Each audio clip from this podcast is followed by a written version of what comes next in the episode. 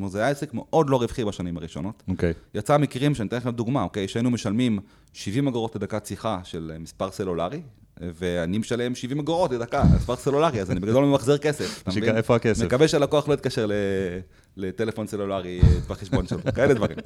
אה, תודה לאל, גדלנו עם הווליום מספיק גדול כדי שיכולנו להתמקח במחיר פר דקה, אז היום כבר יש מרג'ינים יותר הגיוניים, וגם מחירים הרבה יותר הגיוניים ללקוחות. אני יודע כבר להתקרב לתחרות המקומית שיש לי פה במחירים. כי, כי כל הטכנולוגיה, כל השוק התקדם יחד עם הדבר הזה. כן. כלומר, 70 אגורות, אמרת, אני, אני שנייה שאלתי את עצמי, רגע, אנחנו בשנת 94, איפה, איפה אנחנו בדיוק? נכון. אבל כל השוק הולך עכשיו ל... אני אומר לפעמים ללקוחות, דרך אגב, אה, יש עכשיו לקוחות שהם רוצים לעשות אס.אם.אסים ללקוחות בכל העולם, ואני אומר להם, והדיפולט שלהם היה טוויליו.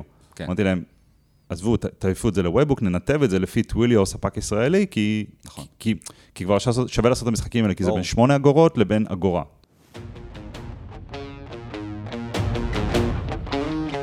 מלמדים אותנו שכדי להצליח בעסקים ובעבודה, צריך לעשות יותר ולהיות יותר. לשווק יותר, ליצור יותר מוצרים, להיות אנשי מכירות טובים יותר. אבל מה אם במקום לעשות יותר, הייתה דרך להוציא מכל פעולה שאתם כבר עושים יותר? בפודקאסט מדברים אוטומציה, נכניס אתכם לעולם המדהים של אוטומציה עסקית. נשמע איך הכלים, השיטות, בעיקר ה mindset, מאפשרים לחברות לשפר רווחיות, לגדול בצורה חכמה, להשיג יתרון עסקי על המתחרים. בכל פרק ננתח case studies עסקיים. נראיין מנהלים ובעלי עסקים שנחשפו לעולם האוטומציה העסקית והתמכרו. ניכנס אל מאחורי הקלעים של התהליכים, ננתח מה בדיוק היה שם, מהאסטרטגיה, דרך הטכנולוגיה ועד לאימפקט העסקי.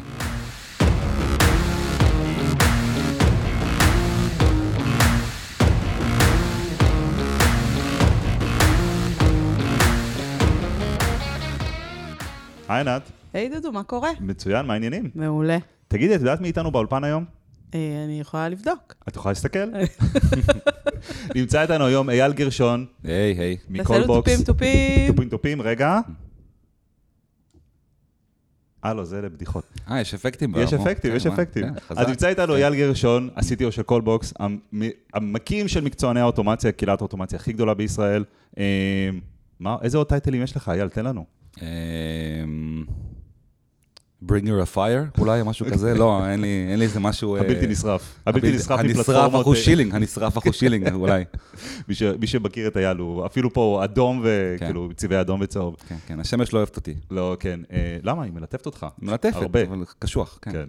אה, אייל, כיף שאתה איתנו, אה, ויצא לנו לעשות דברים בעבר ולהקליט תכנים בעבר, אבל לא במסגרת הפודקאסט עדיין.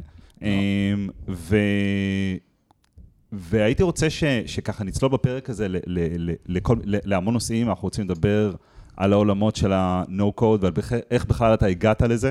אה, לעולם הזה, אתה גם, אה, יש לך עולמות אחרים שהיית בהם, ועולמות המוזיקה ודברים כאלו, ואיך כן. הגעת לפה, אה, על החיבור בין No code למה שאנחנו. קוראים Yes code, אה, אה, ו- ואיך אה, איך אתה מוצא את, את הקו הנכון ביניהם, לאן העולם הזה של, של ה-No-Code הולך בחיבור גם לאנשי פיתוח, לאנשים שהם כן עם אוריינטציה טכנולוגית, ובכלל לאן הדברים הולכים, ומניסיוני תמיד כשאנחנו יושבים ומדברים, תמיד יוצאים מזה דברים מעניינים. לגמרי. אה, רוצה לתת כמה מילים עליך, קצת אה, על איך הגעת בכלל לתחום הזה של, ה, של האוטומציה וה- וה-No-Code?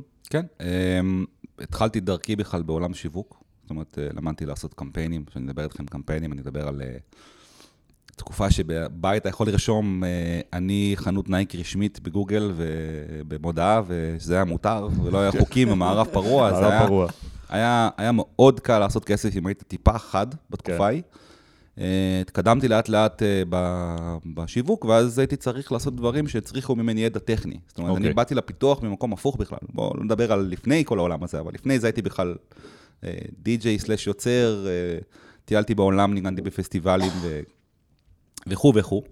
גדול. אה, ובחיים הבוגרים שלי, העובדים, והתחלתי את הקמפיינים, אז משם בעצם נולד הצמא הזה לטכנולוגיה, ללמוד קצת קוד. אז למדתי את העולם הטכני שמאחורי השיווק, אני יכול להגדיר את זה כמרטק. אוקיי. אה, למדתי לבנות אתרים, אה, זאת אומרת, קוד מאפס, לא בהכרח עם וורדפרס וכאלה, אז ניגשתי ל WordPress, היה לי יותר קל. server side, client side, מה שאני יכול ברמה, אני לא יכול לקרוא לעצמי מתכנת, כן? אני יודע קוד, אני יודע לכתוב סקריפטים, אני יודע לכתוב פונקציות, אני יותר אה, למבדאיסט, כן. אם אני אקרא לזה, אני יודע לכתוב פונקציות ספציפיות שיפתרו לי דברים בעולמות אוטומציה. זאת אומרת, יש לך את המאוד הגישה לקוד, קוד לא מפחיד אותך מן הסתם, אבל קוד שהוא, אה, הוא, שוב, הוא מאוד contained, הוא מאוד דברים ספציפיים מסוימים, צרכים, לסגור אותם. כן. אתה אוטודידקט או שאתה לומד את הדברים האלה מקורסים בדרך כלל? אוטודידקט, אה, קורסים, אבל אונליין, אה, מדריכים, ועשיתי קוד אקדמי קצת, וזה לא, לא איזשהו מקום אחד שממנו למדתי הכל, זה יותר מהניסיון. אה, שוב, אני, אני אסביר את ההבדל בין מתכנת, למה אני אומר שאני לא מתכנת, לבין מה שאני עושה, כי מתכנת מבחינתי, אה, אם אני אשווה את זה לעולם הבנייה, אוקיי? יש את הבן אדם שהאדריכל, שמתכנן את הכל, יודע לחלק את העומסים, יודע אה, אה, לבנות את הדברים בצורה כמו שצריך, יש את המבצע בפועל, זאת אומרת, אני יכול לעשות הקבלה ל server side, server side, client side. אני רק בא ושם את הערכים. אתה מבין? Okay. אוקיי. מהבחינה שלי. אני כאילו עושה את הדברים שהם בקצה, בקצה של, ה, של הקוד, עדיין זה תכנות, אבל, אבל זה לא לבנות דברים אלגוריתמיים, אני לא שם, אוקיי? אוקיי. אה, עכשיו, דרך אגב, מה שאמרת עכשיו על ה- על האדריכל שבא ומתכנן את הכל, אה, זה נקודה שאנחנו רואים אותה הרבה, כל הזמן. שככל נכון.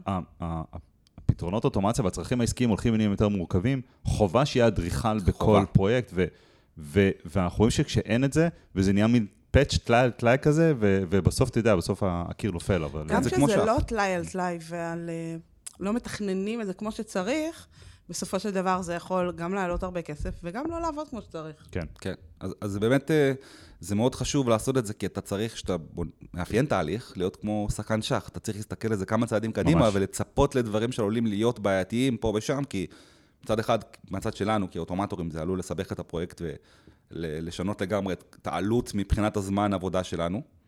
אה, מבחינת הלקוח זה מאכזב אותו, כי פתאום זה דברים מתעכבים, משהו לא צפוי, אתה צריך לדעת, שוב, זה, אתם יודעים כבר עכשיו, זה משחק של ניסיון, אתה בא ללקוח, וסביר להניח שרוב הלקוחות שבאים אליכם, אתם כמונו, אתם כבר עברתם דברים דומים, אתם יודעים את, ה, את הפאקים, את, ה- כן. את הדברים בדרך שעלולים להפיל אתכם, אז אתם כבר נמנעים מהמצב הזה, אבל זה משחק של, ניסיון, וזה דורש אפיון, אה, אני תמיד אומר שאפיון, גם אתה בטח אומר, 90% מהעבודה זה אפיון. ממש. זה נכון. אפיון ו- ותיאום ציפיות. כן. כי אם, כשאנחנו התחלנו באוטומציה אי פעם, אנשים לא מאמינים שפעם היה רק Zapier ורק עם שני שלבים. Zapier, לגמרי. אה, אני זוכר שיצאו את הבטא של ה multi-step, כאילו, וזה היה כאילו, oh my god, המוח שלי כרגע.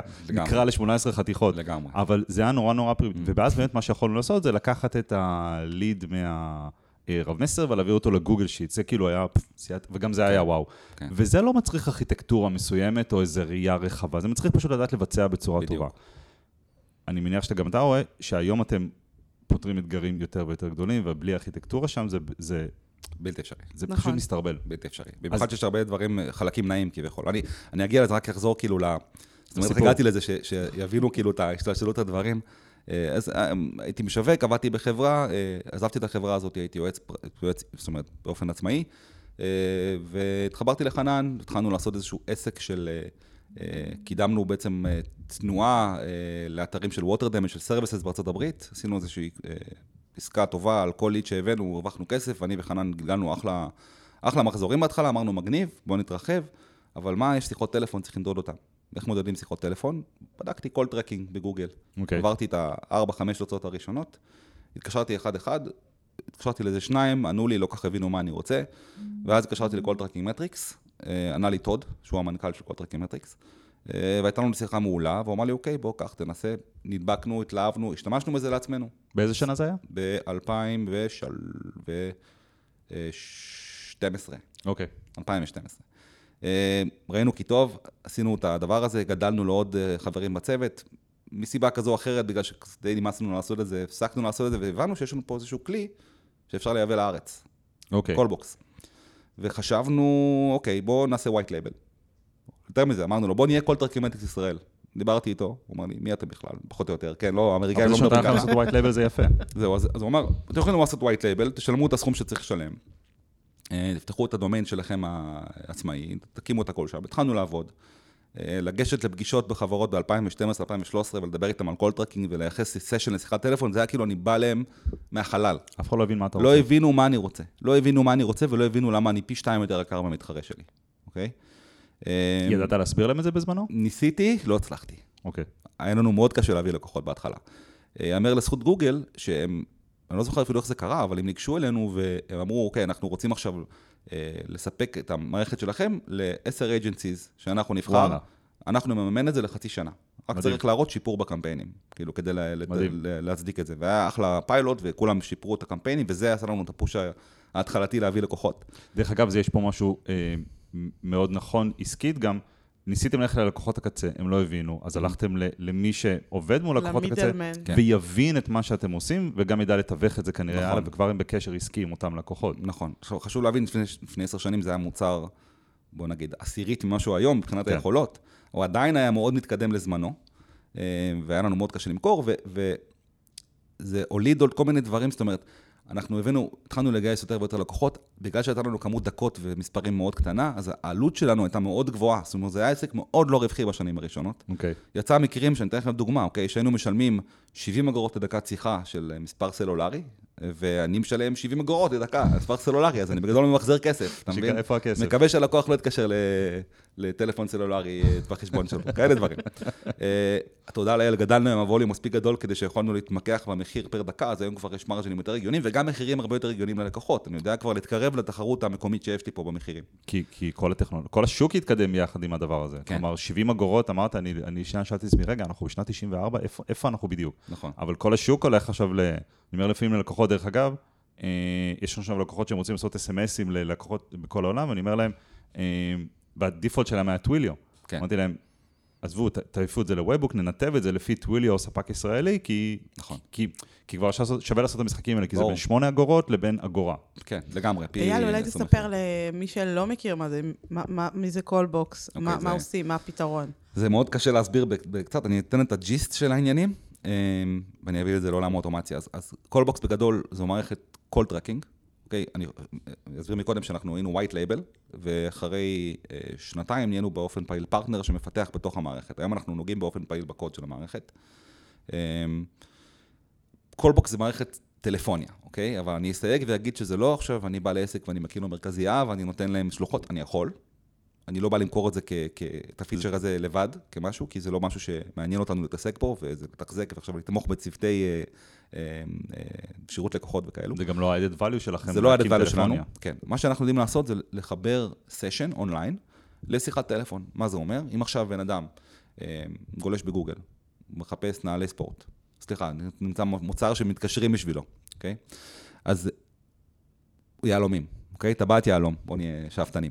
עכשיו, בן אדם מחפש טבעת יהלום, מגיע לאתר, רואה את הטבעת יהלום שהוא רוצה, לא קונה אונליין. אני רוצה לדבר עם בן אדם לפני שאני עולמות הקנייה אונליין, כן. כבר מה שנקרא גוגל וכל הכלים וכל הזה, כבר כן. יודעים לטפל בזה בצורה. הנה, אתם- מוציא, מוציא 3,000 שקל על טבעת, אני רוצה להתקשר קודם. הוא מתקשר, עצם השיחה הזאת בעצם, הדבר הזה הלך אופליין. אם בלי קולבוקס, או כלי מעקב call tracking כזה או אחר, אין יכולת להגיד איזה קליק הביא את השיחת טלפון הזאת. כי בן אדם רואה מספר באתר, מרים את הבזק שלו ומתקשר. אין פה שום פעולה, אין פה קליק על המספר, אין פה כלום. זה מה שאנחנו עושים, מחברים בין ה-session לקליק. בגלל שאנחנו ממשקים ל-AdWords ולפייסבוק ולטאבולה ול-Outbrain ולטיק טוק ול-you name it, אנחנו יודעים לשלוח את הסיגנלים האלה חזרה לתוך המדיות הפרסומיות. ואז מי שעושה קמפיינים מצד אחד יכול לדעת כמה כסף הוא, אה, כמה קליקים היו לו וכמה קליקים יצרו שיחה או יצרו טופס, אה, הגשת טופס. ובצד של האוטומציה, איפה שהאוטומציה נכנסת פה, שאנחנו יודעים להתחבר ל-CRM, אם כבר יש התחברויות מובנות כמו Salesforce ו-Dynamics ו-Zoho ו-Pipedrive וגם לא מובנה, אני יודע לקבל בעצם שהייתה פגישה, או הייתה מכירה עם סכום, או לעדכן בעצם אותי בפעולה שקרתה אה, לאחר השיחה, שבוע, שבועיים, שלושה שבועות אחרי השיחה, ואז אני יכול לחזור חזרה לאותו קליק מקורי ולהחזיר לו את המכירה, את הפגישה, את ה-KPI המאוד חשוב הזה שהוא צריך לדעת בשביל לשפר את הקמפיין. שהלקוח קנה. ואז, בין אם הוא עושה אה, מנהל קמפיינים ב-Google Ads, בפייסבוק, בטיק טוק, איפה שזה לא יהיה, הוא מקבל את ה-KPI הכי חשוב שלו, והוא יכול להגדיר לו בעצם CPA, בעצם cost per action, הוא יכול להגיד, להגיד לאלגוריתם, תשפר לי את הקמפיין על פי ה-cost per action הזה. ואם הוא מוריד את המחיר של ה-CPA הזה, הוא משפר את הקמפיין במאות האחוזים. זה ה-gist. ובעסקים, או, או, או ב- במקומות שבהם אין אה, אה, את כל העניין של שיחות טלפוניות. כלומר, יכול להיות שיש לי איזה אתר e-commerce, יכול להיות שאני גם אחר כך מתכתב, עושה איתם follow-up באימיילים ודברים כאלה, אין טלפונים. זה לא כן. פרקטי לי, או שעדיין פרקטי, אני ארצה את זה. עבור הצד של אנחנו- ה-CRM אנחנו- וה... זהו, מבחינת קולבוקס פעם היינו רק טלפוניה, אוקיי? אוקיי. אבל מבחינתנו activity יכול להיות גם טלפון וגם form. ואם אני שומר אצלי גם את- הטפסים, בנוסף למה ש-CRM או מה שקורה, ומעדכנים אותי בהתקדמות של אותו סטטוס, אם אתה מכירה, מה שלא יהיה, אני יכול גם לתת איזון חוזר לדברים האלה, אנחנו, אוקיי. אנחנו עושים את זה בפועל. אוקיי. אמ, כי לקוח אומר לי, אוקיי, אתה עושה לי את זה לטלפון, למה שלא תעשה לי את זה לטפסים? וואלה, אתה צודק, ככה התחלנו. זאת אומרת, אני לא יודע מה אני יכול לעשות עד שלקוח מבקש ממני משהו. אז עכשיו שהתחלת לדבר על, על, אה, על ה-CRMים ועל האיבנטים והכל, אני מתחיל לראות את הנתיב שמוביל אותך בדיוק. לעולמות של האוטומציה. וה-no-code והאינטגרציות. אז אני זוכר את האינטגרציה הראשונה שעשיתי ל-CRM, לא זוכר אפילו CRM זה היה לפני תשע שנים, ועשיתי אוטומציה עסקית מבלי לדעת שזו אוטומציה עסקית, אוקיי? אני בעצם חיברתי בין קולבוקס לבין CRM, מצד שני קיבלתי חזרה היזון חוזר מאותו CRM בצורה אוטומטית, ושלחתי את המידע חזרה לגוגל. אז לא ידעתי שאני עושה, שאני מתעסק באוטומציה עסקית. ו- ולא השתמשתי ב-Zapier בזמנו. אה, הייתי כותב קוד, PHP, Python, JavaScript, אה, ועושה אינטגרציות, וזה נהיה, אתה יודע, it adds up, כמו שאומרים, אתה פתאום מוצא את עצמך עם איזה 50-60 פולדרים מלאים בקודים, בכל מיני אינטגרציות של לקוחות. אתה אומר, בואנה, there must be a better way, נכון? אה, ואז נפלתי על Zapier, אני אפילו לא זוכר איך נפלתי על Zapier. אבל דרך אגב, דו, דווקא אני רוצה לעשות אה, שנייה אה, zoom in פנימה, כי אם אתה כבר, אם כבר בנית פעם אחת אינטגרציה מול, אה, אה, יש לך את הקוד ששולח ל-Zoho, ויש לך את הקוד ששולח ל-Salesforce, טה טה טה טה. על הכי קל אתה- לשכפל את זה לשאר זהו, הלקוחות. אתה יכול נורא בקלות לשכפל את זה, אז, או. אז המהירות של לעלות עם משהו כזה לאוויר שהיה חסר לו? כן. אז חד משמעית המהירות.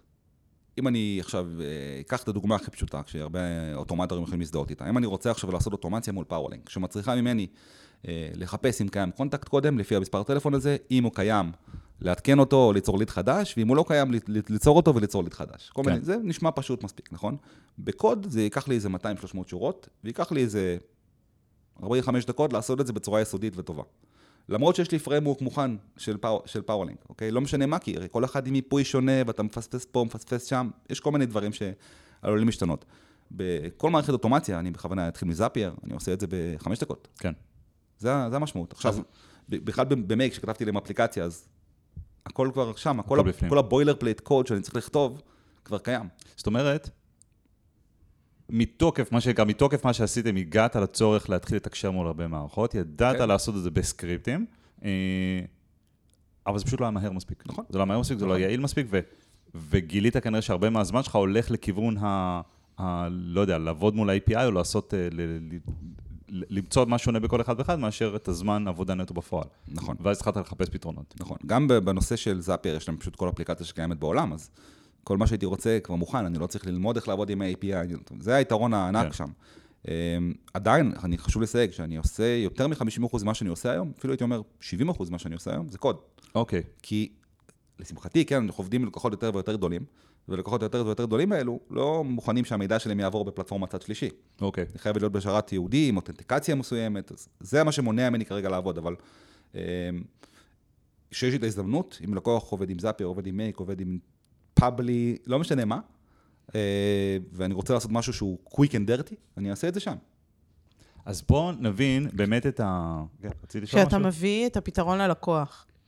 אז אם יש לו אחד מהחשבונות, אז סבבה. אם אין לו, אתה לא אומר לו, כאילו, המחיר יהיה ברור. בהתאם לזה ברור. שנפתח לך חשבון אני לו את טגרומט. האופציה, נותן לו את האופציה. בדיוק. בטח. כאילו, אני ואז אומר הם לו בצורה הכי יחליטו פשוטה, מה... יש. לך, אתה יכול לקבל ממני את זה בקוד, זאת העלות לקוד, או שאתה יכול לקבל את זה בתוך מייק או בזאפייר. שזה עלות וזה שונה אומר, אתה לחלוטין. פותח חשבון, אני נותן לו לפתוח חשבון לבד שלו, אני לא עושה ריסלינג ברור, למייק בצורה ברור. הזאת, תפתח אתה, אתה רוצה, הנה לינק אפילייט, אם בא לך, תשתמש בו, לא בא לך, אל תשתמש בו. דרך אגב, הנקודה הזאת של החשבונות, אני זוכר בתחילת הדרך שאנחנו התחלנו ב-2013 עם זאפייר, אז אה, מה, מהמקום שלי, מהמקום החוסר מפותח שלי כאיש מכירות וכ, וכבעל עסק, היה לי נורא לא נעים להגיד לאנשים, לכו כן. תשלמו על זאפייר. אז הייתי עושה את הכל בחשבון שלי, שוב, זה החוסר ביטחון שלי, זה לא קשור לשום דבר אחר, ו- ו- ובוסריות. ועכשיו מן הסתם אנחנו לא עושים את זה, ואני כן. רואה לפעמים אנשים שכן... אה, בנו למישהו אוטומציות והכל יושב אצלם, ב, לא משנה, בזאפייר או זה במייק. לא ו- סקלבילי בכלל. וזה נכון. זה כזאת טעות, כי, כי אתה יכול למצוא את עצמך יותר ויותר מתעסק עם השטויות של האוטומציה. מה זה. שטויות של האוטומציה? תחליף לי אות. כן. אה, ת, תשים לי אותו פה, תשמן בשדה הזה ארבע ולא חמש. ו, ו, ויש דברים שכבר היום הפלטפורמה וגם המודעות היא כזאת שאנשים מחפשים לעשות את הדברים לבד, או לפחות יש להם את היכולת לעשות אותם לבד. כן. ואני אפילו לא מדבר על מצב שקורה שהפסקת לעבוד עם הלקוח, נכון, ופתאום, אה, שזה שלו. זה נורא. זה פשוט ואז. אתה. משלם עליו על זאפייר. בדיוק. נכון. ו- ועשיתי את זה שנים שכל מה שידענו זה לחבר אה, רב מסר ל-go to webinar, ופתאום ללקוחות היו וובינארים עם אה, אלף נרשמים, והחשבון זה, בזמנו זה היה פלטפורמה זולה. כן. אה, אבל זו טעות, זה כזאת טעות לעשות זה, כל אחד צריך שיהיה לו את המגרש משחקים שלו, זה שלו, זה, זה פשוט שלהם. נכון. נכון, זה, זה כמו, אתה יודע, אתר, אתה לא מאחסן אותו אצלך בשרת ומחזיק אותו בביצים את הלקוח, אתה מקבל גישה לשרת של הלקוח. נכון. נכון. או לא עושה reselling בצורה נורמלית יותר, אבל כן, זה, אני, אני גם עשיתי את הטעות הזאת בהתחלה, פתחתי לאנשים תחת החשבון Zapier שלי, פתאום אני קולט שאני משלם 300 דולר ל-Zapier, כן. שמתוך זה אולי 20 דולר זה אני, כן. באמת, כאלה דברים, כאילו, וזה רץ כבר שנתיים, אתה כזה מסתכל, מה? כאלה דברים. אה, מי אישר כן, את זה? משלמים על טעויות העבר, אני הגעתי למצב שפשוט ביטלתי את החשבון Zapier, כדי שיתקשרו אליי, מי שזה רץ אצלו, שאני אדע להעביר, שתדע- לא למי זה כבר- שייך. לא היה לי מושג למי זה שייך. כן. לא, אתה עושה אוטומציה ללקוח, שוכח אותו שנתיים, שלוש. אז- זה המון עניין של בשלות, אני מה חושב שיפה שהיום... זה שזה ממשיך לעבוד. כן, זה לפחות זה. זה, אין, זה פשוט מדהים, זה כן. סוס עבודה. נכון. מה, אתם יודעים, היום שאני אה, אה, כיביתי את כל האוטומציות, נכנסתי לזאפיר של, שלנו וכיביתי את כל האוטומציות של הדיגיטל, של הסטודיו של עדי, כי הסטודיו נסגר. אה, וואי, זה היה... אני הייתי בדמעות. כאילו, כן. זה, זה הנוסטלגיה, זה האוטומציות הראשונות שבנינו. עכשיו, אה, אה, זה... זה, גם הסתכלתי על איך היינו בונים דברים, אז היה כאילו, אמרתי, oh my god, בחיים אני לא אכתוב ככה. ברור. אבל זה עניין של בשלות. היום, מה שנקרא, נכון לסוף 2022, אין שום סיבה בעולם שמישהו יבנה ללקוח אוטומציות בחשבון של. של אותו בן אדם ולא בחשבון של סיבה. הלקוח. אין, נכון. אין סיבה לזה. אוקיי, אז כל העניין של באמת, מה אני עושה בקוד, מה אני לא עושה בקוד. לך, שוב, ה-No code הוא סופר פאוור שמנגיש את היכולת בכלל לחבר, כאילו לעשות חיבור בין כלים ולשלוח משהו מנקודה א' וב' כשאתה לא מתכנת, כן. זה, זה המדע בדיוני עד לפני כמה זמן, נכון. וזה לא מדע בדיוני. לך כן יש ביד השנייה את ה... וכמו שאמרת, זה עושה אותך מהיר מאוד. אה, מצד שני, ביד השנייה יש לך את היד של כן הסקריפטולוג וה... וה אה, אה, ואחד שיש לו גישה לתוכנה, לתכנות. איך אתה מחליט מה מתבצע בקוד, מה מתבצע בנו קוד, ואיפה גם עובר הקו, כי יש שם לדעתי גם מצב של, לא יודע, אולי לקרוא לזה מייבי קוד, פלטפורמות שהן גם וגם, אז פייפדרים לדוגמה, היא פלטפורמה שהיא היא נורא נגישה, היא, היא נגישה למי שרוצה לבנות אוטומציות נו קוד, כן. במובן הבסיסי, קצת כמו זאפייר, פלואו מאוד uh, מובנה, מצד שני, היא, אם אני צריך שרת בדקה וחצי ושיעלה לי כלום כסף, אז אני אעשה אותו ואני אכתוב את הקוד שם, ועשינו גם את כן. זה ללקוחות. איך, איך אתה מבצע את הבחירה בתוך הדברים האלו? וואו, שאלה טובה. כי אתה עושה אותה יום-יום לדעתי. כן, כן. אמ, אני- אישית, אני יכול לדבר נגיד על מייק, קודם כל, לפני שנדבר על פייפדרים. אמ, כשאני עובד עם לקוחות גדולים יותר ויותר גדולים, אז אה, בונים תהליכים שצורכים המון אופרציות, וצריך למצוא לדרך לאפטם כמה שפחות כן. צריכת אופרציה פר ריצה. אה, יש מקרים שבהם מייק יודע להתמודד עם זה טוב מאוד לבד, ויש מקרים שבהם זה די מורכב לעשות את זה במייק, או דורש כמה שלבים בשביל לבצע את האגרגציה או את המניפולציה שאני צריך בשביל לעשות את החיסכון הזה. אז הרבה פעמים אני אומר, אוקיי, אני אקבל את המידע בצורה א', ואני צריך אותו בצורה ב'. נראה לי שאני יכול לכתוב סקריפט סקריפט שיפתור את זה. אז אוקיי. אני כותב, בתוך Eyal's Toolbox, יש הרבה מודולים, יש איזה 50 ציבורים. רגע, וזה- רגע, אתה מניח שכל מי שמקשיב פה יודע מה זה כן. Eyal's Toolbox. בוא, אז- אנחנו יודעים, אוקיי, ספר. אז אני, אני אסביר. אה, בתוך Make אה, יש אפליקציה שהיא לא ציבורית, אבל כל מי שרוצה יכול לראות את הקישור ב... או בקבוצה? באתר, או בקבוצה, או ב-Automation IL, בדף של אנחנו האפליקציות. נשים מתחת לפרק כן, אז... לינק אה, לאייל אה, טולבוקס. בעצם-. כל, אה, כל מודול בתוך האפליקציה הזאת מייצג אה, בקשה של חבר קהילה לעשות משהו שהוא צריך. ענק. אחד ביקש ממני לעשות אה, משהו שמקבל string של URL ומפרק ממנו את הפרמטרים. אחד ביקש, אה, אה, אני לא יודע כבר, לא זוכר כמה דברים יש שם, לפרמט מספר טלפון יש ישראלי. יש שם משהו שנקרא Dvir's משהו. Dvir's module, אני אפילו לא יודע מה זה עושה. זה משהו שקשור לטייפ גם פורם. לי יש שם מודול. כן? כן. ענת, מודול? כן, כן, כן. זה היה לי סצנריו ששרף על כל ריצה באזור הבין 500 ל-600 אופרציות. ויאללה עזר לי לקפצ'ץ' את זה ל-19. כן, אז זה, זה, בדיוק ה, זה בדיוק הכוח של קוד, כאילו איפה זה משתלב נגיד. אז לשמחתי, יש לי את היכולת בתוך מייק לבנות מודולים ייעודיים שיטפלו לי בבעיה. אוקיי. עכשיו, ואז מייק הוא השרת שלך בעצם. מייק הוא השרת שלי, אבל, ויש מקרים מאוד מאוד אה, אה, חשובים שצריך לציין אותם. נגיד יש לי לדוגמה צורך במשהו כמו אה, להפוך קובץ HTML ל-PDF. עכשיו, סבבה, אני יכול אה, ללכת לאיזשהו אה, API כלשהו שקיים ב-Make ולהשתמש בו, ולשלם להם את הכסף, שיעשה לי את ההמרה הזאת, Cloud Convert, לא חסר כאלו. או אני אומר, רגע, ב-Node יש, מי שלא יודע, יש package, יש בעצם איזושהי חבילה של משהו שבנו מראש, שעושה כל פעולה שאתם יכולים לדמיין, החל מדברים מורכבים ועד HTML to PDF, אז אתה רושם HTML to PDF, NPM, עושה Enter בגוגל, רואה את הספרייה, ב-Pipedream, כל מה שאני צריך לעשות, זה תכליל את הספרייה הזאתי, ואז אני רואה איך משתמשים בה, ואני יכול לשלוח, נגיד, Webhook לתוך תהליך של Pipedrive, שמחזיר לי חזרה את ה... של ה- Pipedream, סליחה. את ה-HTML, ש- את ה-PDF שנהפך ל-HTML כקובץ, וזהו, בעצם עשיתי את זה באופרציה אחת שלא עולה לי כסף. אז כאילו, צריך לדעת איך לשלב את שניהם ביחד. יש לי מקרים שבהם אני עובד רק עם פייפדרים. אוקיי. אמ, ומה אתה ממליץ לאוטומטור שאין לו את הגישה הזאת? מי שלא יודע קוד, לא הייתי ממליץ לו על פייפדרים. מי שלא יודע כלום בקוד, מי שיודע קצת בסיסי, סבבה, אתה יכול להשתמש בזה. מי שאין לו שום ידע בקוד, כי שם הם כבר, הם נכנסים לטרמינולוגיה מאוד מורכבת, יש שם סטייטים, יש שם, אה, אה, יש שם דברים שצריך להבין אותם ברמות התכנות, איך, כדי שזה יפעל, הסינכרוני, לא כולם מבינים את הקונספט של עבודה סינכרונית. אתה לא יכול לעבוד סינכרוני בפייפדרים. לדוגמה, אם אני עכשיו רוצה לתשאל 20 דפים של איזשהו API, אני לא יכול לעשות, לתשאל אותם את הסלולה, כי הוא בעצם עובד הסינכרוני, הוא מבחינתו סיים לרוץ. שולח ו... הוא מסיים לפני שהפעולה מסיימת. את צריכה שזה ימתין כאילו לסיום, כל הקונספט של פרומס, אה, יש שם דברים מאוד מאוד מעצבנים מבחינת תכנות, אוקיי? שצריך להבין אותם. אז זה פחות מתאים למתחילים.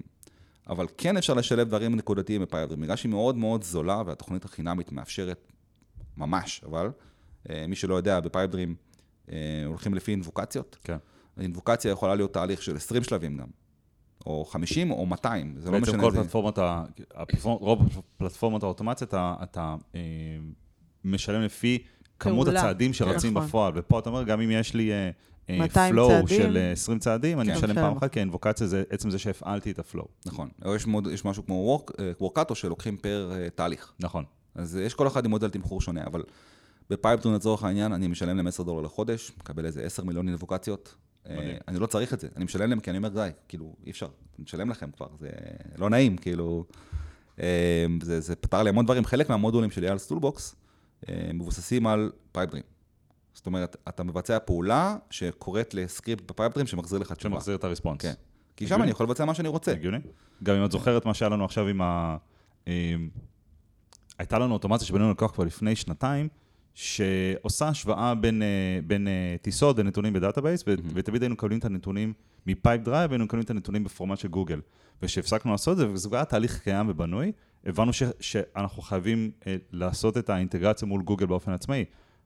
עכשיו, פעם היינו הולכים לאירוקו, מרימים כן. שם שרת, עושים את כל ההתקנות, שזה סבבה שפתרון, זה פשוט איטי יותר. כן. והפעם, והפעם זה היה ב-Pipedream. כלומר, כל, ה- הכל נכתב שם. מה-Zap, כי לא רצינו לשבור את מה שנבנה במקור, מה-Zap הוא קורא ל-Pipedream, ב response הוא מקבל כבר את, ה, את הנתונים של גוגל, ודוחפים את זה לתוך המשך התהליך שהיה בכלל סקריפט ב-Airtable, כן. שרץ משווה נתונים. זה, זה הקטע, זה, ש, זה המשמעות של headless, אה, headless code, כאילו headless functions. אין להם אבא ואין להם אמא. הם, רצ, הם רצים בתוך הקונטיינר שלהם, מבצעים את הפעולה וסיימת איתם. כן.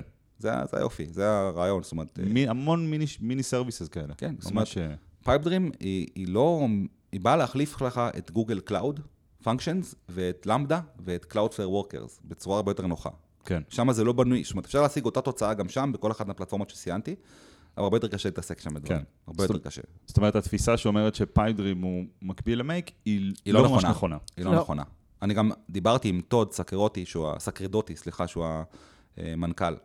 מסתבר שהוא יהודי, לא ידעתי שסקרדוטי איטלקי, אבל איטלקי יהודי. איטלקי. אה, זה הדבר הראשון שהוא אמר לי. כאילו, היי, רק שתדע שאני גם יהודי, אוקיי?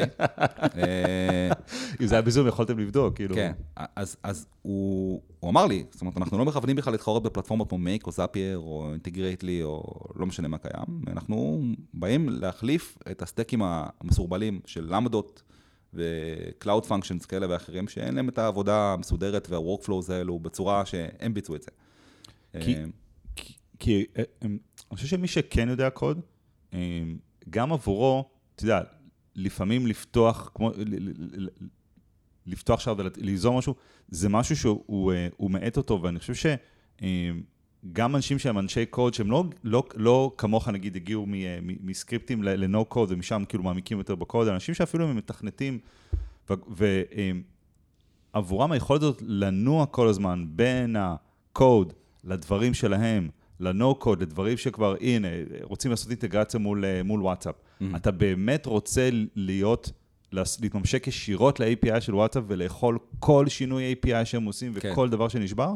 עדיף לך ללכת לפתרון code, ולך ל-Make שיש שם את ה-WhatsApp Cloud, תעשה את מה שאתה צריך שם, תחזיר את זה לקוד שלך. עכשיו, התזוזה הזאת מתוך uh, קוד ל-low code ל-no code היא, uh, היא, היא מאוד עוצמתית למי שיודע לעב- לעבוד עם זה כן. בצורה נכונה. זה מה שחשוב להבין, אנשים שומעים הרבה את המושג full stack אה, developer. אוקיי? full stack developer אמיתי זה משהו מאוד מאוד נדיר, כי נתת דוגמה מצ- מצוינת, עם אה, API, אנשים חושבים שאתה מתחבר ל-API כלשהו, עושה את האוטומציה, היא עובדת, זה נגמר. וזהו. זה לא, זה ממש לא ככה.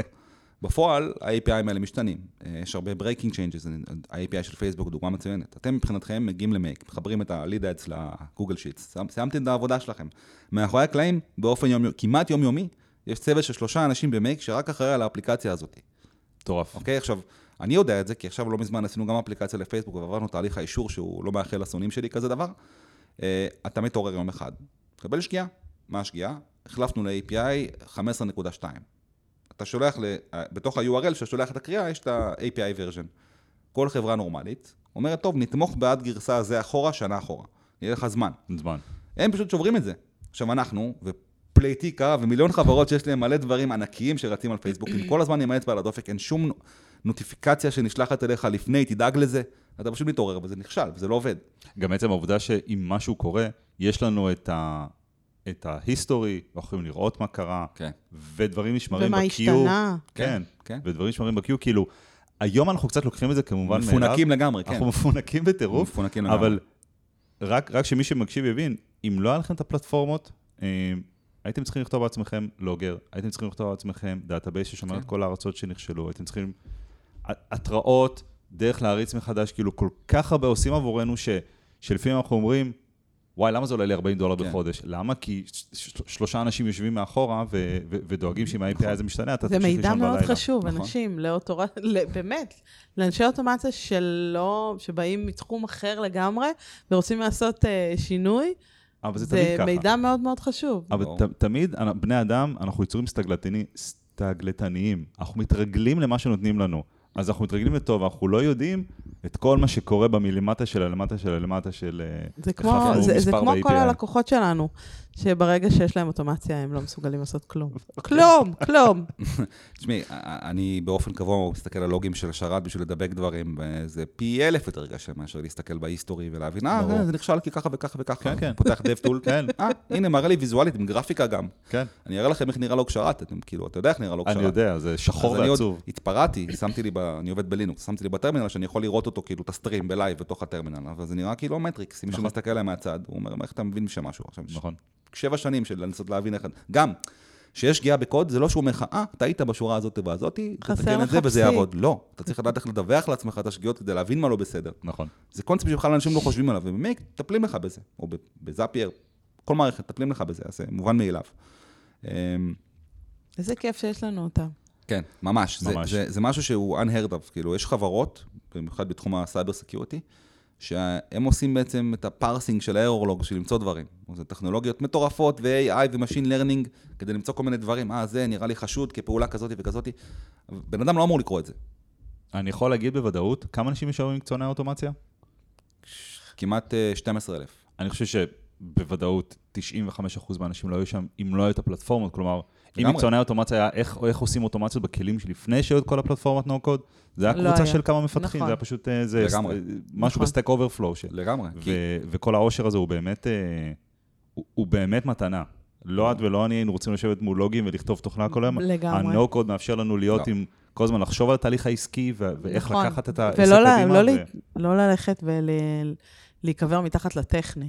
כן. נכון, הם אה, אומרים לקחת עכשיו, כמו שהם אומרים. אה, Citizen Developer, נכון. זה ההגדרה שלהם. זאת אומרת, ה-Citizen Developer הוא לא זה שיעשה את האינטגרציות המורכבות ביותר, אבל בוא נהיה אמיתיים, רוב האינטגרציות ורוב האוטומציות הן די פשוטות, די straight forward, לא משנה איזה חברה אתם מסתכלים. יש את התהליכים הקריטיים של הביזנס, שזה משהו שדורש ארכיטקטורה והכל, אבל גם מנהלת המשרד וגם ה-HR וגם הפיננסים יכולים לעשות דברים מאוד נקודתיים ופשוטים שיחסכו להם שעות של עבודה. נכון. בלי צורך בשום ידע טכני, רק נכון. על ידי הבנה של איך הפלטפורמה עובדת. רק על ידי הבנה שזה אפשרי. דבר ראשון, הבנה שזה אפשרי. כן. ספר לנו על איזה, על האוטומציה הכי מעניינת שבנית. וואו, אה, משהו עכשיו. שכאילו באת ואמרת, "פפ, זה לא הכי מורכב, אבל זה הכי, זה האימפקט הכי גדול, אימפקט אוקיי. מאוד גדול. אה, חברת אלקטרוניקה, אה, רשת חנות אלקטרוניקה, שקיבלנו בעצם טלפון, זה סיפור מצחיק, אני לא אשרוף את החברה, אבל אני אגיד, אה, התקשרו אלינו אה, חברה די מוכרת פה בארץ של אה, רשת חנות אלקטרוניקה, ואמרו לנו, אנחנו רוצים לחבר את המידע של, הפאור, של התפנית, של איזה משהו, לתוך ה Powerlink. כן. וחברה לא מצליחה לעשות את זה שלושה חודשים. אוקיי. משם הגיעו לנו, לא קשור ל Callbox בכלל, לא קשור לאוטומציה, רק נטו Powerlink שלחו אותם אלינו. אמרנו לו, אוקיי, תביא את הפרטים, זה, זה, זה, זה, עשינו את זה בחצי שעה, וואו. אוקיי? כי זה, זה לא, לא מסובך. אה, אמר, וואו, אוקיי, רגע, מי, מי אתם, מה אתם עושים, מה פה, שם, מה זה? מפה לשם התחלנו לעשות תהליכי אוטומציה. אחד מהתהליכים האוטומטיים שהיו זה שיש להם בעצם, שולחים אלינו את כל המכירות ל Callbox, אה, וגם את המוצר עם המק"טים, עם הכל, אני יודע אם זה מקרר או שזה מיקרו או שזה משהו קטן, ונתנו לו איזושהי טבלה שאני יכול לפי זה להבין מה זה מוצר גדול, מה זה מוצר קטן. אם זה מוצר קטן, אני אה, הולך לבלדר, מייצר משלוח, מייצר QR בשביל המשלוח, מצמיד אותו לאותה רשומה ב Powerlink של ההזמנה, ככה שבן אדם מגיע ל Powerlink יכול אה, לבוא, לעשות להדפיס. טוט, לא, או להדפיס או שליח כבר עושה טוט, כאילו אספתי את ההזמנה, אה, זה בחבילה קטנה. זה מאוד פשוט, כי זה כל אחד, זה יוצא פרטני, אתה לא צריך לדאוג לזה.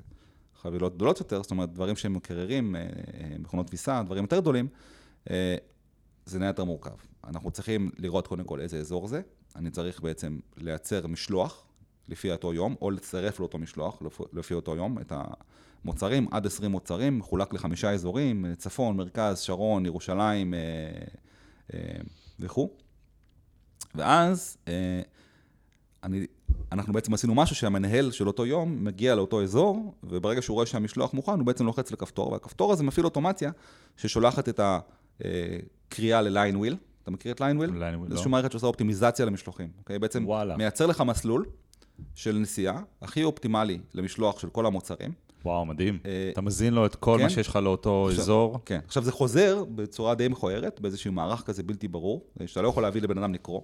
אז הוא אמר לי, טוב, תייצר לי מזה PDF שאני יכול להדפיס. אז יצרנו מזה טבלה עם ה-PDF, עם האזורים, עם. השם של הנהג, עם הכל, עם הזה. בסופו של דבר זה מופיע באותו אותו הזמנה, הוא מגיע, מדפיס, נותן לנהג, הנהג לוקח את זה, ועם זה הוא נוסע לעשות את המשלוחים. ענק. עכשיו, זה לא איזה משהו טכני כזה מטורף, אבל האימפקט של זה היה, שהדבר הזה שהיו מכינים ביד כל יום, תחשוב, רשת אלקטרוניקה ששולחת מאות מוצרים ביום, אם לא אלפים לפעמים, אם יש. מכירות, אה, חסך להם המון. זאת אומרת, יש דברים הרבה יותר, הרבה יותר טכניים שעשיתי מזה. אבל מבחינת אימפקט, זה בן אדם שזהו, הוא, הוא עושה כל מה שאנחנו נגיד לו עכשיו. וואו. כל מה שאני אציע לו, הוא יקשיב. זה, זה מדהים וזה, וזה פותח את הראש, זה הזכיר לי שלפני קצת פחות משנתיים שהתחלנו לעבוד עם, אה, עם הום ביוגז, לקוחות שלנו, והם העלו אתר e-commerce חדש, ועשינו כל האינטגרציה וכל החיבורים, ובאחת השיחות, אה, ואצלם היה עניין של מוצרים, של מוצרי bundle, וצריך לפרק אותם, כי ב Priority, בפיידר זה יושב בצורה אחת, ובאתר, וב Priority זה יושב בצורה אחרת. ואז באחת הפגישות, באחת הישיבות, אז המנהלת הפיתוח העסקי, שעבדנו מולה בזמנו, היא, היא סיפרה שיש להם איזה הם מציעים איזה מוצר של איזה קיט שנתי, שאפשר לצרף אותו לחנות והם רוצים לדחוף אותו קדימה, וזה צריך במחסן בארצות הברית, זה יושב בצורה מסוימת, אתה צריך לעשות איזו מניפולציה על המוצרים לפני שהם יוצאים ל-ERP ו... ו...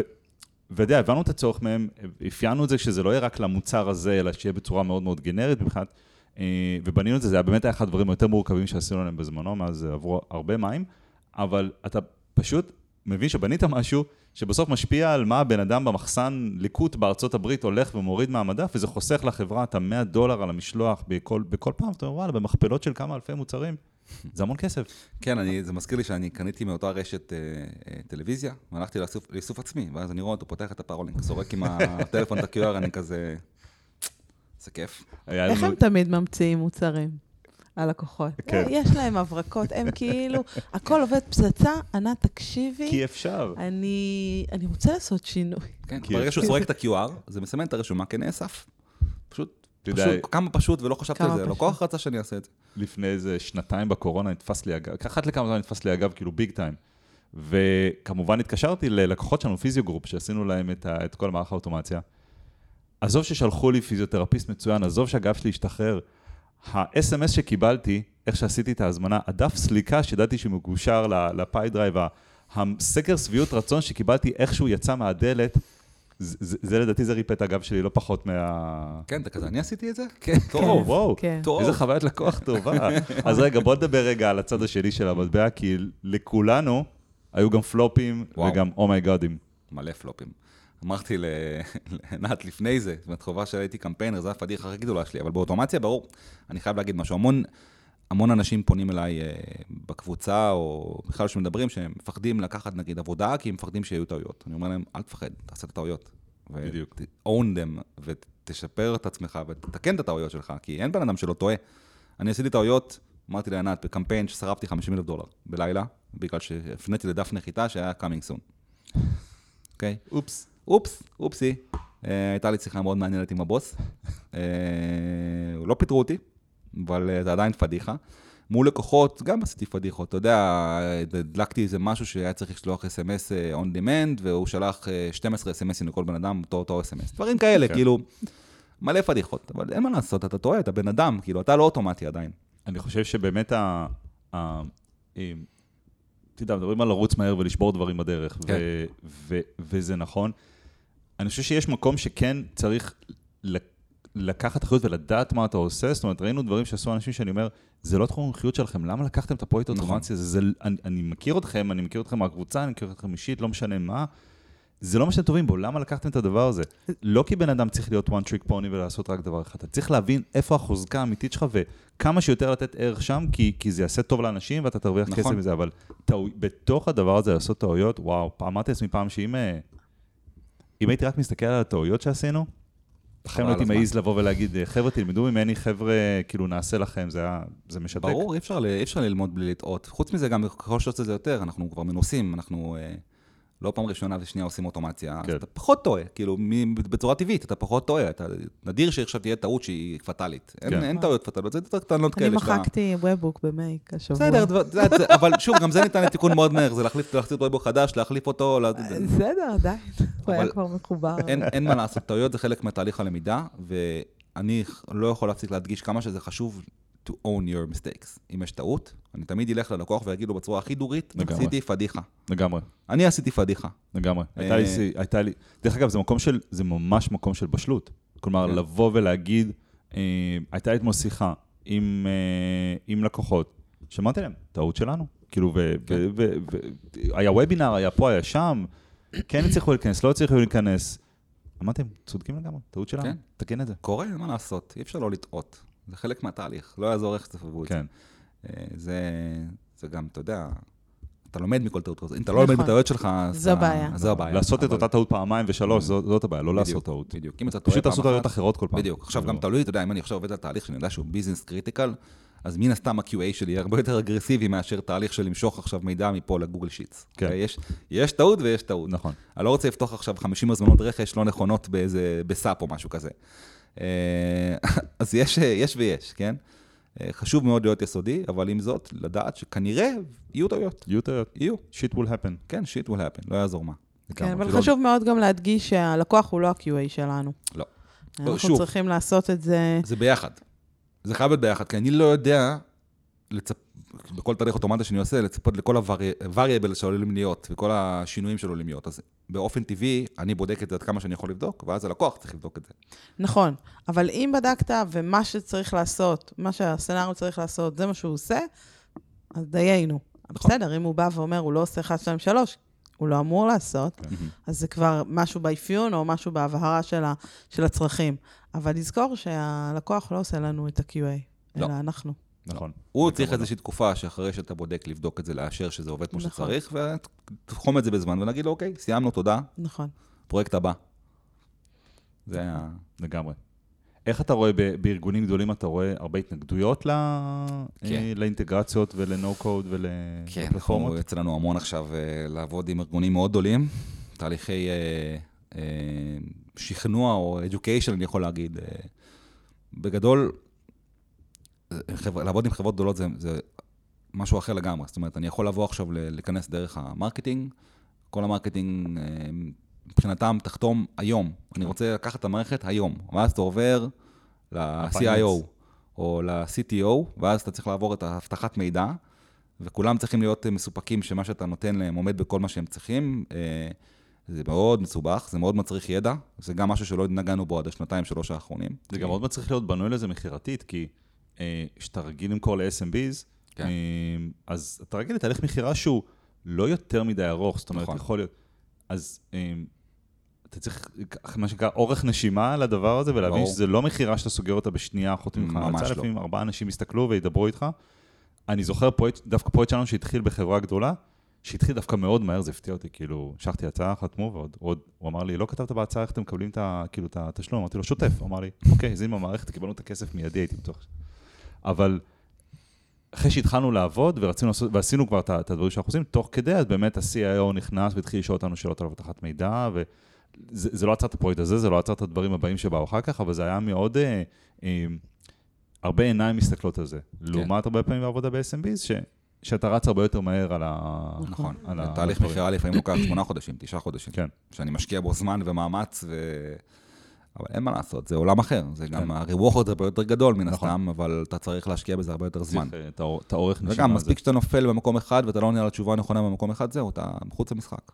זה מאוד קריטי. זה עוזר מאוד שיש לי שותף שהוא עבד בחברת אבטחת מידע ויש לו ידע מאוד אה, נרחב באבטחת מידע, אז אני זורק אותו מול צוות של חמישה אה, אבטחת מידע, אנחנו מצליחים לעבור את כולם. שוב, זה לוקח גם חודשיים. למרות שאנחנו כן. יודעים את כל התשובות, זה עדיין לוקח חודשיים. כן. אה, זה עבודה אחרת לגמרי. אז ברור שאתה שולח ל-SMB הצעה, אתה יכול לקבל תשובה תוך יום-יומיים, תוך שבועיים, שלושה, חודש וחצי, חודשיים, גג, גג, גג, גג, גג, הוא חוזר אליך. כן. חברות גדולות זה תהליך, זה תהליך, משהו אחר. זה תהליך. לא כולם ערוכים לזה גם. נכון. צריך, צריך שפשוט בכל רגע נתון לך מספיק כדורים באוויר, כדי שמשהו מתקדם שלב, משהו בדיוק. מתקדם שלב, ומשהו אחר ייסגר. כאילו, מצד זה שני, זה. יש לזה צד שני. אם אתה עכשיו סוגר ארבע במכה אחת, אתה בבעיה. נכון, איך תדלבר. איך תדבר עכשיו לארבע. כן. זה לא שיש לי עכשיו 20 אנשים מחכים אה, בצד לפרויקטים. כן. אני צריך לדעת איך לעשות את זה בצורה חכמה. זה, זה משחק כזה שצריך לשמור על איזון. זה, זה, זה תמיד נכון. המשחק. כן. איך אתה רואה את ה... בעצם את התחום הזה של אוטומציה הולך וגדל, לאן, לאן אתה רואה אותו מתקדם בשנים הבאות? אוקיי, אני, אני רואה את זה בצורה... אה, זאת אומרת, תחום האוטומציה הוא סופר רחב, אוקיי? גם בתוך העולם הזה יש נישות, ויש התמחויות בנישות. כמו שאמרת, לא כל אחד צריך לעשות הכל. אנחנו לא עושים צ'טבוטים. זה לא שאני לא יודע לעשות צ'טבוט, זה לא התמחות שלי. אז אני תמיד גם עדיף לעבוד עם לא. שותף נוסף, שהוא יעשה את זה בשבילי. כן. אני אשלם לו, אין לי בעיה, שהוא יעשה את העבודה, ירוויח מה שהוא צריך להרוויח בשביל זה. אה, ההתמחות בנישות היא המפתח להצלחה מבחינתי, כי אתה יכול לבחור להתמחות בצ'טבוטים ומזה לעשות קריירה ממש מוצלחת. אתה יכול לבחור להתעסק אך ורק ב-ERP, אתה יכול לבחור להתעסק ב-CRM, כל אחד יכול לבחור משהו טוב בו. אם אתה מרחיב את הסל מוצרים שלך ויודע לעשות גם CRM וגם צ'טבוט, all uh, the power for you. אני אגיד, אני אגיד משהו על זה, זה, זה גם משהו טוב, משהו טוב, משהו uh, טוב בו, אבל גם משהו שאתה נהנה ממנו. כן. אם הייתה לי שיחה אתמול או שלשום עם בן אדם, דמות די ידועה בעולמות הפרסום הדיגיטלי, שהוא רוצה לקחת אותנו לאיזה פרויקט מסוים של פאנלים ושל דברים כאלה או אחרים. ודי מהר בשיחה, והוא הוא ספצ... הוא הגיע אליי, הוא רצה לעבוד איתנו.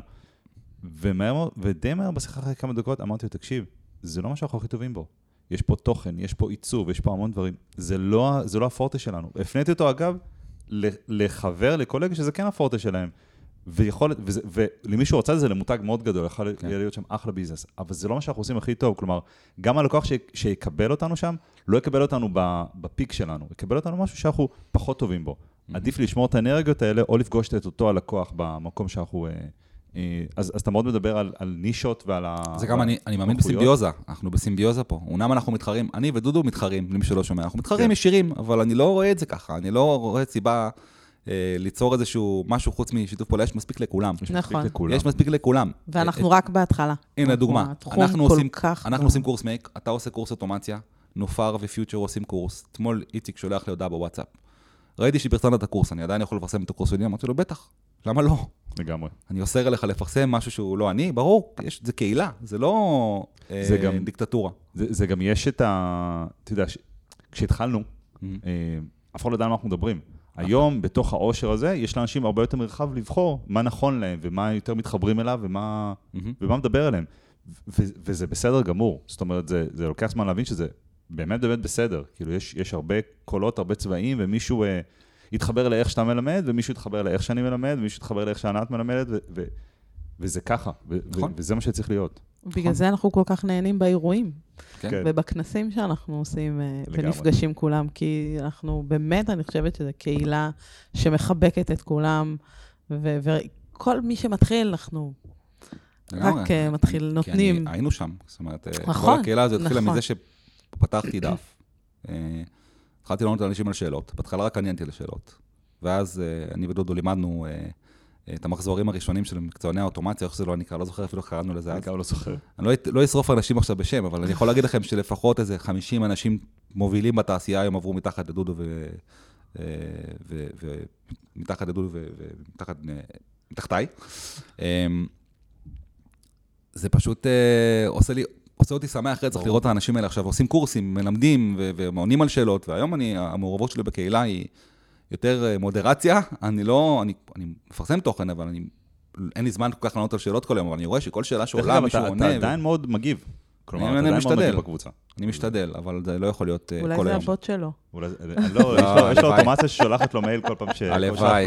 כל פעם שיש אה, פוסט הלוואי. חדש. איך אני יודע שהקבוצה גדלה? שיש המון ספאם שנחסם, כן. אוקיי? ככה אתה יודע שמתחיל... שאנשים עושים ריפורטינג לספאם. כן, עושים כן. ריפורטינג לספאם, אז אה, זה קורה, אבל בגדול הקהילה הזאת היא הרבה מעבר למה שציפיתי שתקרה. לא היה לי איזה תוכנית אה, שככה זה יהיה, זה פשוט קרה בצורה אורגנית. זה הדבר הזה של, כשראית משהו כל כך טוב, ואני חושב שמה שאנחנו ראינו על, על, אה, על, על זאפיר בהתחלה ועל, ועל נו קוד ואחר כך על אינטגרומט, זה- אתה לא יכול לשמוע דבר כזה בבטן. נכון? זה יותר מדי טוב, ואז מה אתה עושה? אתה רוצה לספר לעולם, איך תספר לעולם? אתה עומד בכיכר העיר, אה, אתה הולך לכיכר הפייסבוק ואתה בדיוק. מתחיל לספר לעולם. בדיוק. בהתחלה לא הבינו למה- למה אני עושה את זה, זאת אומרת, ש- אה, השותפים שלי אמרו לי, למה אתה נותן כל עדה שלך? מה זה נותן כל עדה? שאני אלמד עוד. אני כאילו, ברור. אני אתן מה שאני נכון. יודע עכשיו, ואני אלמד משהו חדש, ואני אתן גם אותו, ואני אלמד נכון. משהו חדש, ואני אתן אותו. מה אתה לומד מהקהילה באמת? זה מעניין אותי לדעת. וואו. אה, מה אני לומד מהקהילה? המון דברים, על כלים שלא שמעתי עליהם, כל מיני תהליכים, כל מיני פתאום דברים שאנשים מציגים, סרטונים אה, של דברים שהם פתרו, אה, דברים שלא חשבתי עליהם. אני לא מתעסק נגיד ב... אתן לך דוגמה, גלייד וסופטר, לא מתעסק, לא הכרתי את זה לפני הקהילה. כן. אתה יודע, אני לומד על כל מיני דברים כמו שאני מלמד אנשים על כלים חדשים, אני לומד מהם על כלים חדשים, על אוטומציות חדשות שעשו. אני רואה אנשים מצטרפים לוובינר השבועי, ויוצא מצב שאני כמעט לא מדבר בוובינר השבועי. כי אנשים וואלה, כי הם... אה, הם מדברים ביניהם, סבבה. מעולה. זה- זו המטרה של הקהילה הזאת. אני גם אעשה plug בלי בושה ל-12 ל-12. אה, בוא, ספר לנו. על המיטאפ של ה-12 ל-12. כן, אז אה, לפני ארבע שנים עשינו בירה על אוטומט. אה, אה, שני מפגשים. היה שני מפגשים. זה היה ב WeWork בזרם, אחלה מפגשים, בירה על אוטומט, אנשים באו, שמעו כמה הרצאות מעניינות, שתו בירה, אכלו קצת אוכל, היה התמנגלו, mingling, בדיוק. התמנגלו, שזה הקטע הכי חשוב לדעתי בכל העניין הזה. נכון, נכון. וזה עשה, זה עושה אחלה, זה כזה מקרב את הקהילה, הופך את זה למשהו מוחשי ואמיתי, ולא משהו וירטואלי שיושבים על האסלה בפייסבוק. אה, והחלטנו להחזיר עכשיו כולם עטרה יודעים ליושנה. איפה אתה עונה- איפה אתה מגיב לפוסטים. אתה מבין? עכשיו החלטנו לה- להחזיר עטרה ליושנה. אה, שמח ש AppsFlyer הציעו אה, לארח אותנו ב AppsFlyer space שלהם, יש שם space ממש נחמד למיטאפים. זהו, זה מוגבל ל-150 איש, אנחנו נעלה עם זה בקרוב. אה, אה, דודו הולך לדבר שם. עוד לא הודעתי על המרצים, אבל דודו הולך להיות אחד המרצים שם, מישהו מ AppsFlyer ועוד שלושה. אה, אני ממש מתרגש לקראת הדבר הזה, הבאנו אה, בירה Jem's. וואלה. אה, כן, פעם פינקנו בבירה, אמרנו, "אה, אני אביא מכבי, גולדסטאר, נפנק אותם ב craft beer. אה, וזהו, הלכנו לראות את המקום, הולך להיות ממש ממש מדהים שם. אז אה, 12 ל-12, מ-5 וחצי עד 8 בערב, מי שרוצה פרטים, שילך לקבוצת מקצועני האוטומציה בפייסבוק, ו... כי זה רק לקהילה. זאת אומרת, אם אתה לא בקהילה, אתה כנראה לא אתה לא- תראה... לא תדע על לא זה. תדע על זה, כי אני מוגבל ל-150 מקומות, בפעמים הקודמות, לסבר את האוזן, הבאנו 250 איש. כן, אני זוכר את זה. שהקהילה עוד הייתה 3,000 אנשים.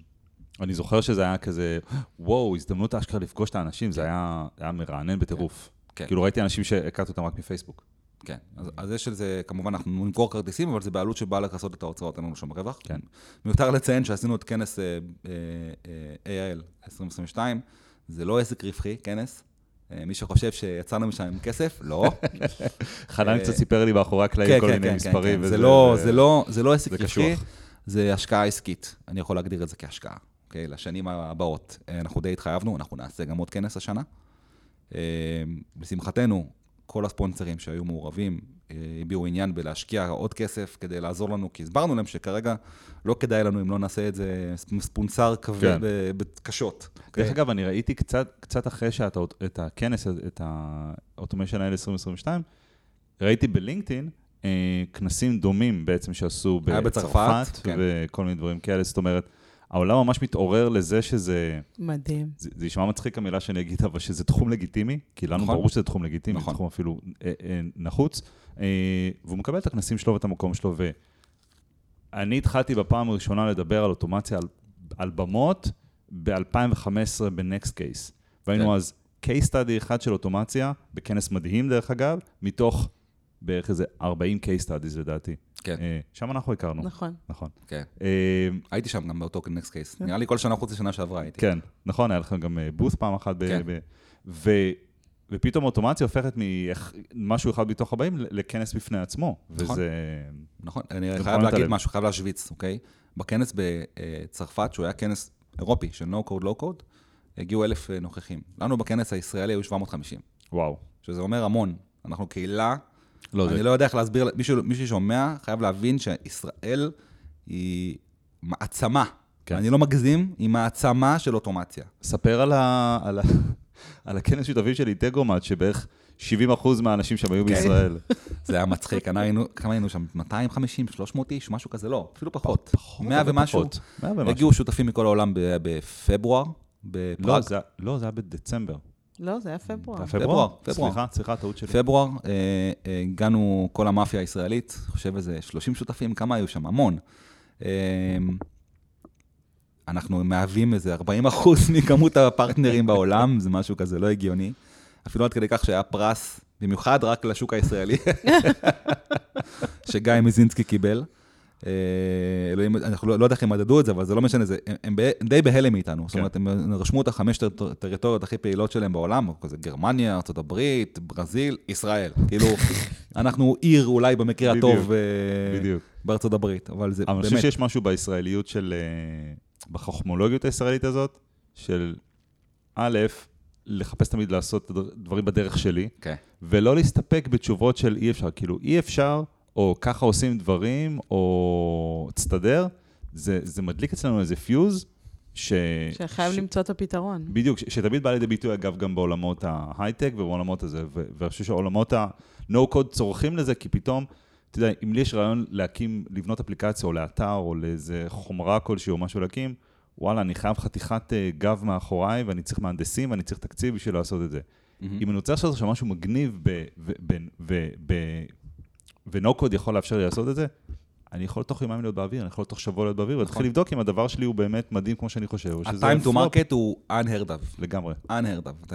זאת אומרת, מי שלא יודע, time to market, מהרגע של רעיון אה, לביצוע, הכי מהר שיכול להיות במייק, יותר מהר מזאפייר, יותר מהר מכל פלטפורמה. אה, אני רואה את זה כשוב, לא הייתי עכשיו בונה מוצר על מייק, לא הייתי משתמש בזה כ-backbone, כהמנוע שמנהל את המוצר שלי, כן הייתי בונה proof of concept, בדיוק.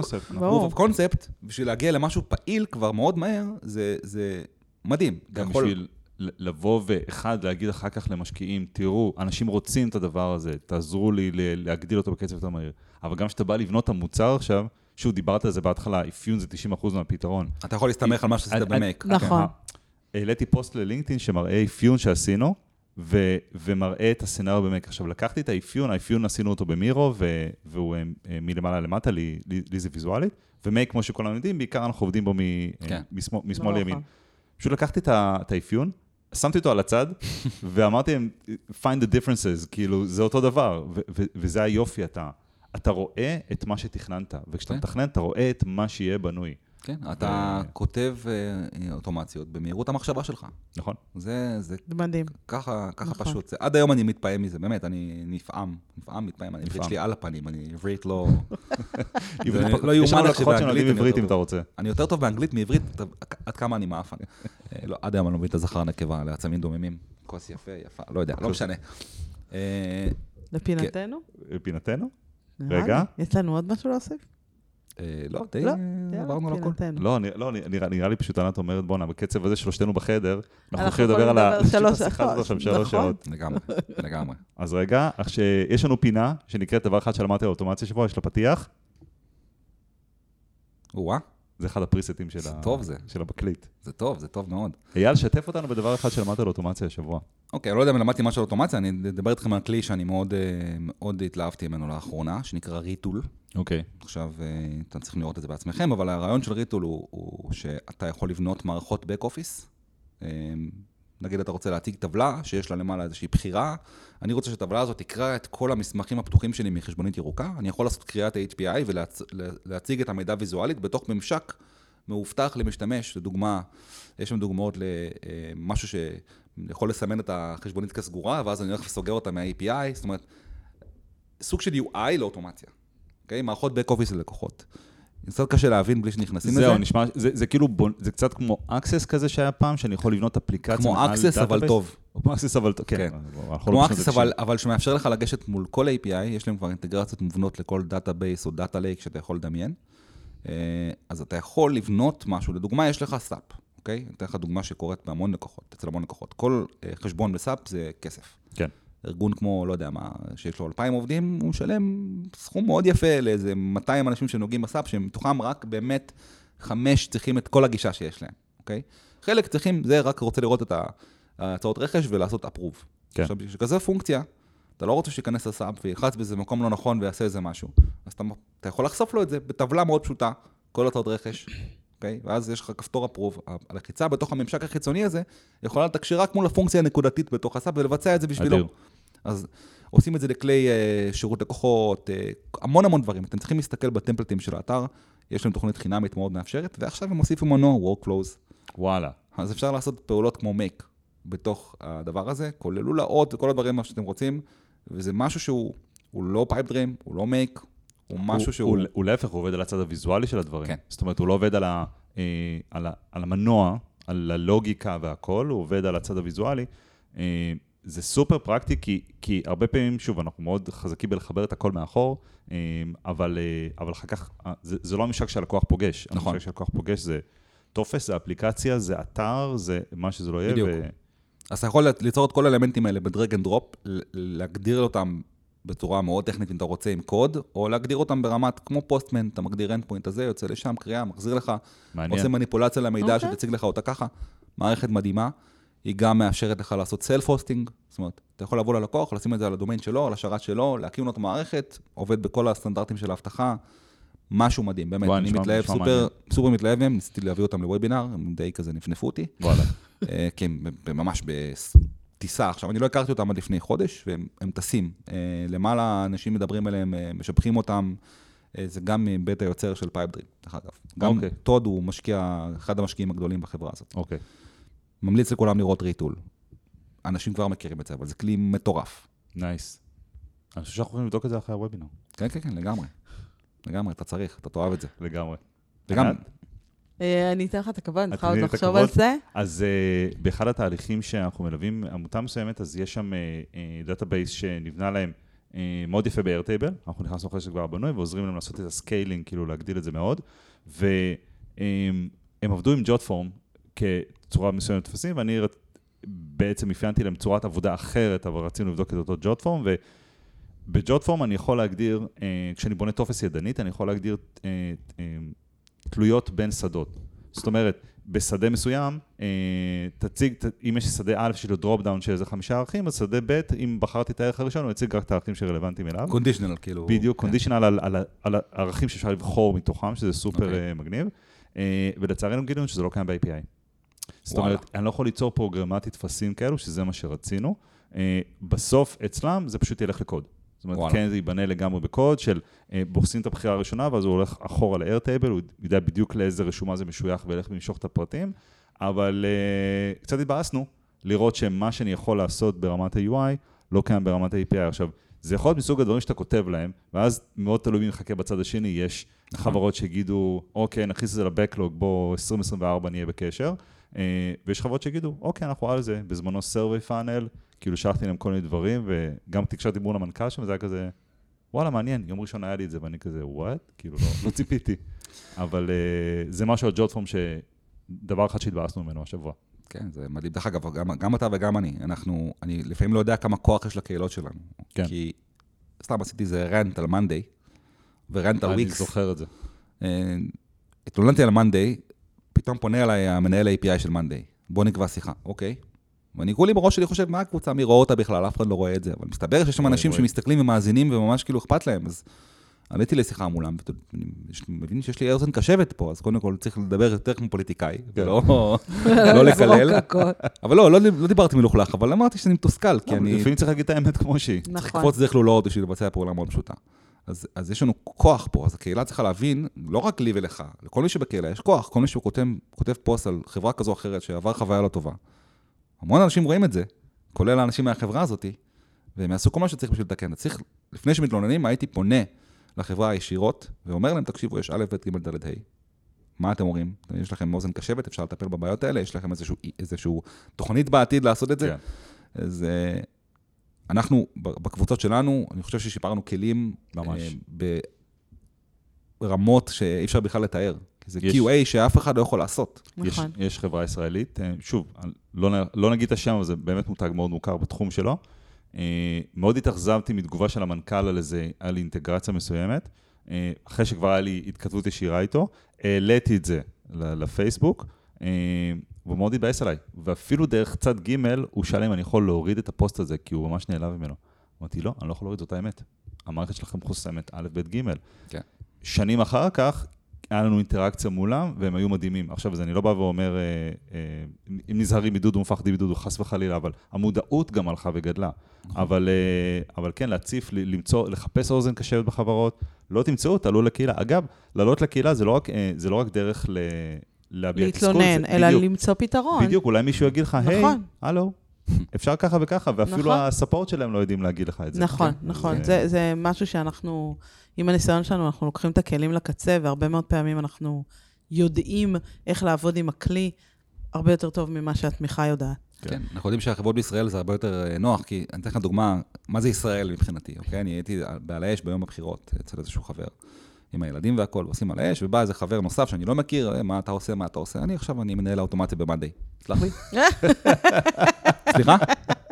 זה אוקיי? בוא, אתה. ואני, בואו, בוא עכשיו. נשב שנייה, בוא נדבר. זה ישראל מבחינתי, זה יש לך ישראל. שעה, כן. בוא נדבר. זה, ישראל, אמרתי לו, אני, אתה חייב, אנחנו חייבים לדבר. קבענו זום באותו יום, כאילו, קבענו, פתחנו יומנים, קבענו זום. כאילו. גדול. אז אה, כן, אז זה, ישראל. המודעות נמצאת נכון. שם, ובאמת, כאילו... ודרך אגב, אם המודעות לא, אם המודעות לא נמצאת שם, ואם כאילו באים ואומרים, אה, בסדר, אחלה, אנחנו כאילו, מביאים את נקסט, הבשורה. אפשר לעבור.